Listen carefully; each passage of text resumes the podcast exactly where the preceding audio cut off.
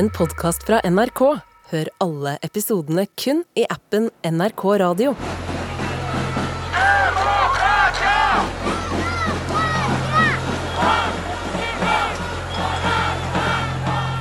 De siste ukene har Tel Avivs gater vært tettpakka av folk som er alvorlig bekymra. A lot of criminals uh, are sitting there. They wish to destroy the Israeli democracy. The aim is to save only one person and one only. This is Mr. Netanyahu, and that's why I'm here demonstrating against it. For mange av dem protesterer mot regjeringa, med en omstridt mann i spissen.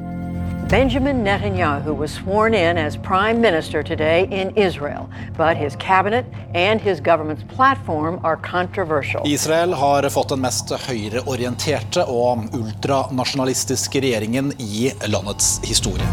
Nå frykter demonstrantene for landets sikkerhet, og også for at demokratiet kan bli dratt med i dragsuget. Du hører på Oppdatert. Jeg heter Gry Veiby. Sissel Wold, utenriksjournalist her i NRK. Akkurat nå så koker det i Israel. De har fått en ny demokratisk valgt regjering, som nå foreslår å gjøre en rekke kontroversielle endringer, blant annet å endre loven. For mannen som har satt sammen og leder den allerede ganske så kontroversielle regjeringa, han er på ingen måte hvem som helst. Nei, Benjamin Netanyahu er en politisk magiker. Nå er han tilbake som statsminister igjen. Det har jo overrasket veldig mange at han har greid det, men det har vakt store reaksjoner. Ja, for det den regjeringa han leder står for, det er det mange som frykter vil ødelegge det som er Midtøstens siste demokrati. Hvorfor det? Ja, denne regjeringen vil endre det israelske rettssystemet, og det vil gjøre hele rettssystemet mye mer politisk styrt, og nå er det mange israelere som mener at Netanyahu bare er ute etter å redde sitt eget skinn. Men at den nå over 70 år gamle Netanyahu skulle bli valgt til statsminister igjen før jul, det lå ikke akkurat i korta. Det var sommeren 2021, og det var i ferd med å gå nedover for mannen som hadde sittet med makta så lenge at han hadde fått kallenavnet Kongen av Israel. I Israel har det vært skjebnetime for Benjamin Netanyahu. Det ser ut til at han ikke overlever som statsminister. På et brunt skinnsete i landets viktigste sal, Knesset, det israelske parlamentet, satt Netanyahu med grå sideskill og svart munnbind. Nå kunne han høre jubelen stige i rommet. Men det var ikke han politikerkollegaene jubla for. Det var for motstanderne hans, som nettopp hadde snytt ham for enda en periode som statsminister.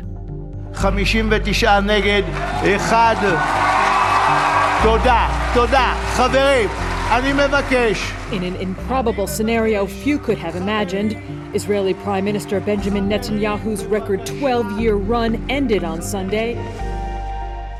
Men selv om Netanyahu hadde fått flest stemmer, så var det nå noen andre som skulle ta over stafettpinnen. For Sissel, han hadde rett og slett blitt skvist ut av de andre politikerne. Ja, folk var skikkelig overrasket. Det var jo ingen som trodde at Netanyahu skulle kunne gå av, men nå hadde han eh, tapt sine allierte, sine politiske venner, fordi han hadde behandlet dem så dårlig. Han hadde dolket dem i ryggen, og nå ble han dolket i ryggen tilbake. Så selv om han hadde fått flest stemmer, så var det ingen som ville jobbe sammen med han i en koalisjonsregjering. Den nye regjeringen var satt sammen av så mange forskjellige partier som ingen trodde kunne samarbeide, mange av dem likte hverandre ikke, men de hadde det til felles at de hatet Netanyahu mer enn de hatet hverandre. Og Netanyahu han var ikke bare vitne til at de politiske motstanderne hans feira at han skulle gå av. For oss ute i gatene markerte folk at landet gikk inn i en ny æra uten han ved roret.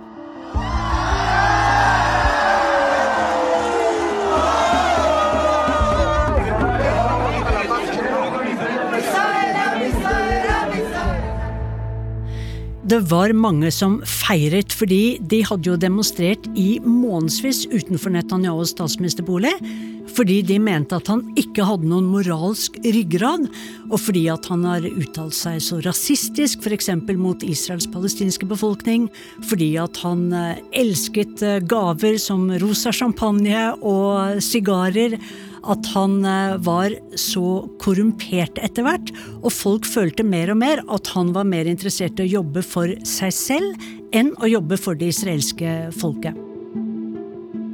Men nå var det altså slutt, og denne mannen som var blitt sammenlignet med en tryllekunstner, og en som kunne dra kanin etter kanin opp av hatten, hadde alltid et S i ermet, men nå hadde han ikke flere triks igjen.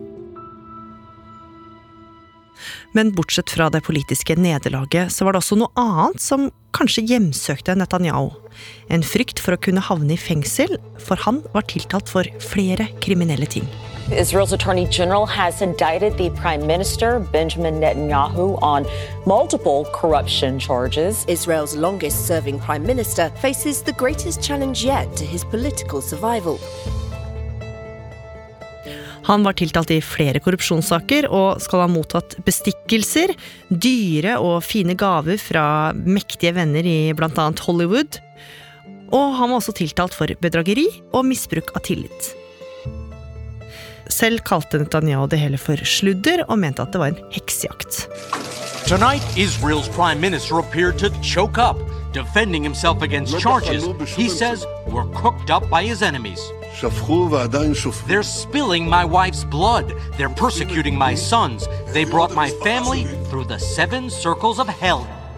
Men med tiltalen hengende over seg, så hadde han et potensielt problem. For han kunne jo risikere å havne i fengsel. Ja, for hvis han ble statsminister igjen, så visste han at han ville bli mye tryggere, for det skal jo veldig mye til å arrestere en sittende statsminister og putte ham i fengsel. Men han hadde jo fortsatt et kort på hånda, for selv om han ikke hadde klart å bli statsminister, så hadde han tross alt fått flest stemmer. Så etter en avslappende sommerferie blant palmene på Hawaii, så bretta Netanyahu opp ermene og satte i gang med en ny tilværelse. Denne gangen i opposisjon. Og heldigvis for Netanyahu så var jo denne regjeringen veldig, veldig skjør. Den var sammensatt av partier som virkelig ikke hadde noe annet til felles enn at de ikke likte Netanyahu. Så Netanyahu kunne bare lene seg tilbake og vente på at noe skulle gå galt for denne regjeringen. Og under ett år seinere, i mai 2022, under grufulle omstendigheter, så skulle en hendelse bli starten på slutten for den sittende regjeringa. Det skulle vise seg å bli en gyllen mulighet for Netanyahu.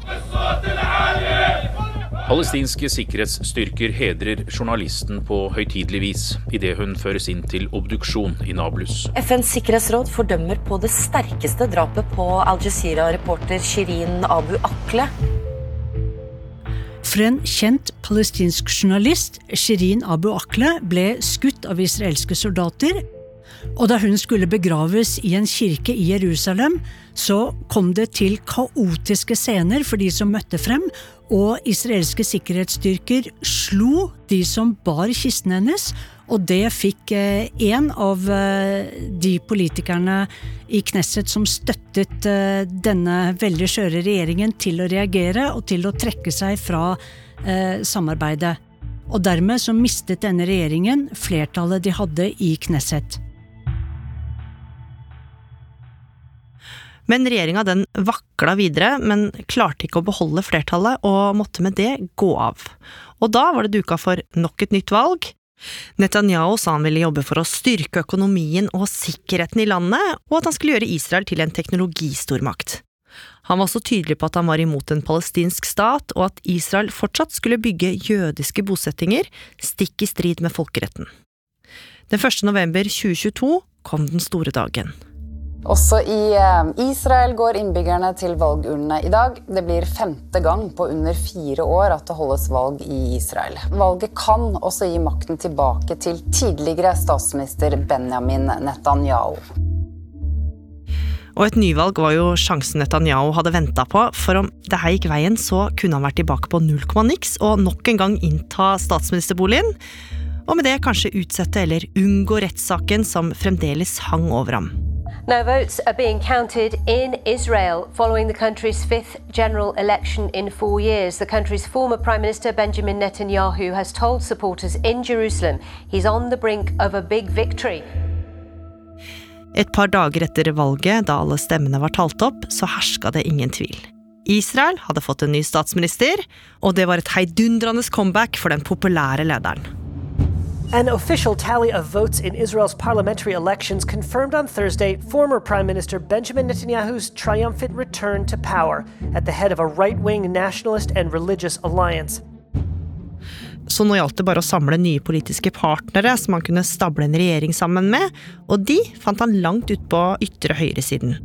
Benjamin Netanyahu is riding back into power with the support of an alliance of far right parties uh, that supported his return to power, which means that the new Israeli government is likely to be one of the most far right, if not the most uh, right wing governments that Israel has ever had. Etter at regjeringskabalen ble lagt og ministerpostene ble fordelt, så skulle det ikke ta lang tid før Netanyahu og regjeringa dunka gjennom et nytt lovforslag. Dette ble veldig omstridt, for allerede 27. desember så fikk de gjennom en ny lov, som noe av det aller første de gjorde i regjeringen. Og den åpnet opp for at personer som ble dømt for mindre grove lovbrudd, og som ikke hadde sonet i fengsel, kunne være medlem av regjeringen. Så nå hadde de på kort tid fått på plass en ny lov som gjorde at lovbrytere kunne sitte i regjering, vel å merke så lenge de ikke hadde sona i fengsel. Og når den nye loven ble kjent, så var det mange som reagerte med sinne. Snart samla folk seg utafor nasjonalforsamlinga Knesset og ropte slagord mot den nye regjeringa.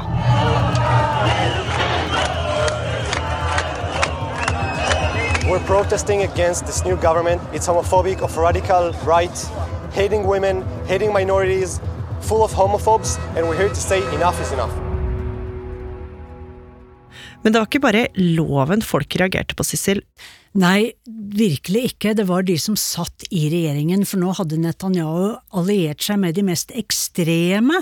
Eh, det var også hardkokte nasjonalister som mener at eh, jødene, da israelerne, skal ha eh, kontroll over hele området, også palestinernes land, og folk som har uttalt seg svært, svært hatefullt mot både arabere og palestinere, og så var det de mest religiøse, ultraortodokse jøder, som helst vil at hele Israel skal følge de strengeste sabbatsreglene, altså man ikke skal få spille musikk på sabbaten, at man ikke skal få reise med buss på sabbaten, og de vil egentlig eh, gjøre Israel mye mer nasjonalistisk og mye mer religiøst, og dette eh, synes et stort flertall, tror jeg, av israelerne er ganske drøyt.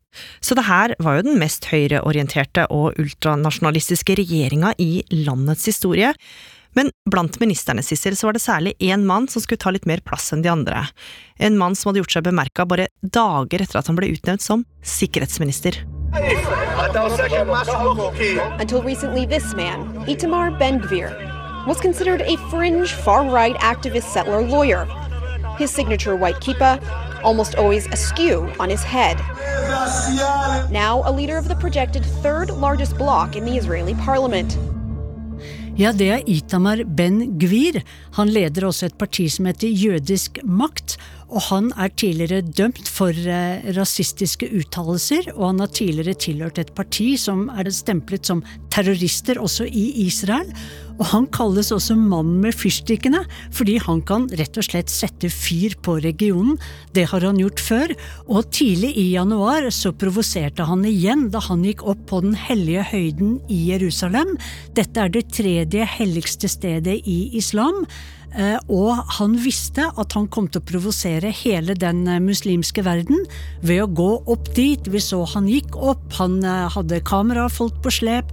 Han sa med stor selvtillit at dette stedet er åpent også for jøder, og det tok ikke lang tid før reaksjonene kom. Controversial visit to the Temple Mount, also known as the Al-Aqsa Mosque compound in Jerusalem. Itamar Ben-Gavir was surrounded by security forces as he toured the site, which which has religious significance for both Muslims and Jews. Israel's former Prime Minister Yair Lapid had warned such a visit will put lives in danger. Bildene av Israels ferske sikkerhetsminister gikk verden rundt, og mange satt ytterst på stolen i frykt for at dette kunne starte nyopptøyer, til og med krig i Midtøsten. Men selv om folk ble opprørt, så beklaga ikke Netanyahu. Og snart så ble det tydelig for folk hva slags politikk regjeringen sto for. De hadde gjort det klart at de ville føre en politikk som var skreddersydd for landets aller mest religiøse og nasjonalistiske jøder. Og regjeringen sa også at de vil annektere, altså ta over områdene der palestinerne bor. Denne regjeringen har også svært homofobe eh, medlemmer som vil innskrenke rettighetene til de homofile. Og dette blir ikke godt mottatt i Tel Aviv f.eks., som er en by med enorme pride-tog. Men det israelere flest er mest opprørt over, er at regjeringen vil få gjennom en lov som gjør at den har politisk styring over rettssystemet. What he has been doing is having his justice minister, who is from his party, propose a package of reforms that would severely constrain the independence of the judiciary as a whole and effectively end judicial review of legislation and, frankly, of executive powers as well. Og det her var det mange som reagerte på, så den 24. januar i år tok over 100 000 mennesker til gatene i Tel Aviv, den største demonstrasjonen på flere tiår. It's one of the biggest protests against the Israeli government in years. Israelis have been taking to the streets in their thousands to protest the country's new far right, ultra religious government. Some said they were fighting for their futures. We care about our rights, like uh, women's rights and Palestinian people rights, homosexuality, everything. De siste ukene har forholdet mellom israelske og palestinske myndigheter blitt stadig mer spent, med flere dødelige angrep på begge sider. Og Sissel, det her er jo en regjering som har vakt oppsikt langt utafor Israels grenser. Hvor går veien videre nå? Ja, for israelerne så kan Israel bli et mye mer religiøst land og et mye mer konservativt og nasjonalistisk land. Og dette er det mange jøder i Israel som ikke ønsker. Eh, de som har tatt til gatene, 100 000, de er de som jobber og får Israels økonomi til å gå rundt, så det er veldig mange nå som spår en brain drain, altså hjerneflukt, fordi at israelere som er sekulære, ikke ønsker å bo i et slikt Israel. Og for palestinerne så blir deres liv vanskeligere og vanskeligere. Det er flere internasjonale menneskerettighetsorganisasjoner som nå har beskrevet eh, den situasjonen de lever i som apartheid, hvor ikke de har samme rettigheter som eh, jødene, som israelerne. Om de mister håpet, så kan det bli en ganske risikabel situasjon, og vi kommer til å se mer sammenstøt og vold. Hva med Netanyahu selv, da? Hvordan ser det ut for han? Netanyahu har alltid overlevd ved splitt og hersk og å polarisere det israelske samfunnet, men han har også overlevd ved å kalle seg Mr. Security og sørge for israelernes sikkerhet, og dette har alltid skaffet ham mange stemmer, men nå som det ser ut som om alt eksploderer litt, så blir det veldig interessant å se hvordan han turnerer denne situasjonen vi ser nå, og om han greier å endre på lovsystemet og rettssystemet for å holde seg ute av fengselet, og om han har flere kaniner å trekke opp av hatten.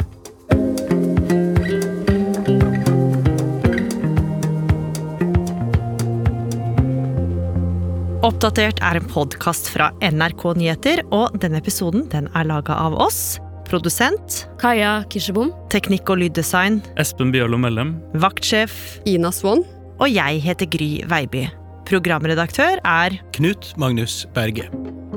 Klippene du har hørt, er fra CNN, CBS, Al Jazeera, The Independent, BBC, NBC, The Straits Times, I24 News, Reuters, The Guardian, AFP News, Global News, PBS og NRK. Har du tips eller innspill, så må du gjerne sende oss en e-post. Adressen er oppdatert krøllalfa nrk.no. Hele historien en podkast fra NRK.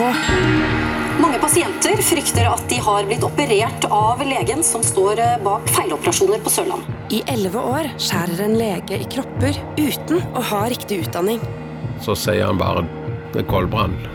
Og så var det bare til med kniven, og så kutta. På et lite sykehus blir flere titalls pasienter skadet for livet, og noen dør. Da tenkte jeg bare Har han ødelagt hele livet for meg? Hør kirurgen i appen NRK Radio.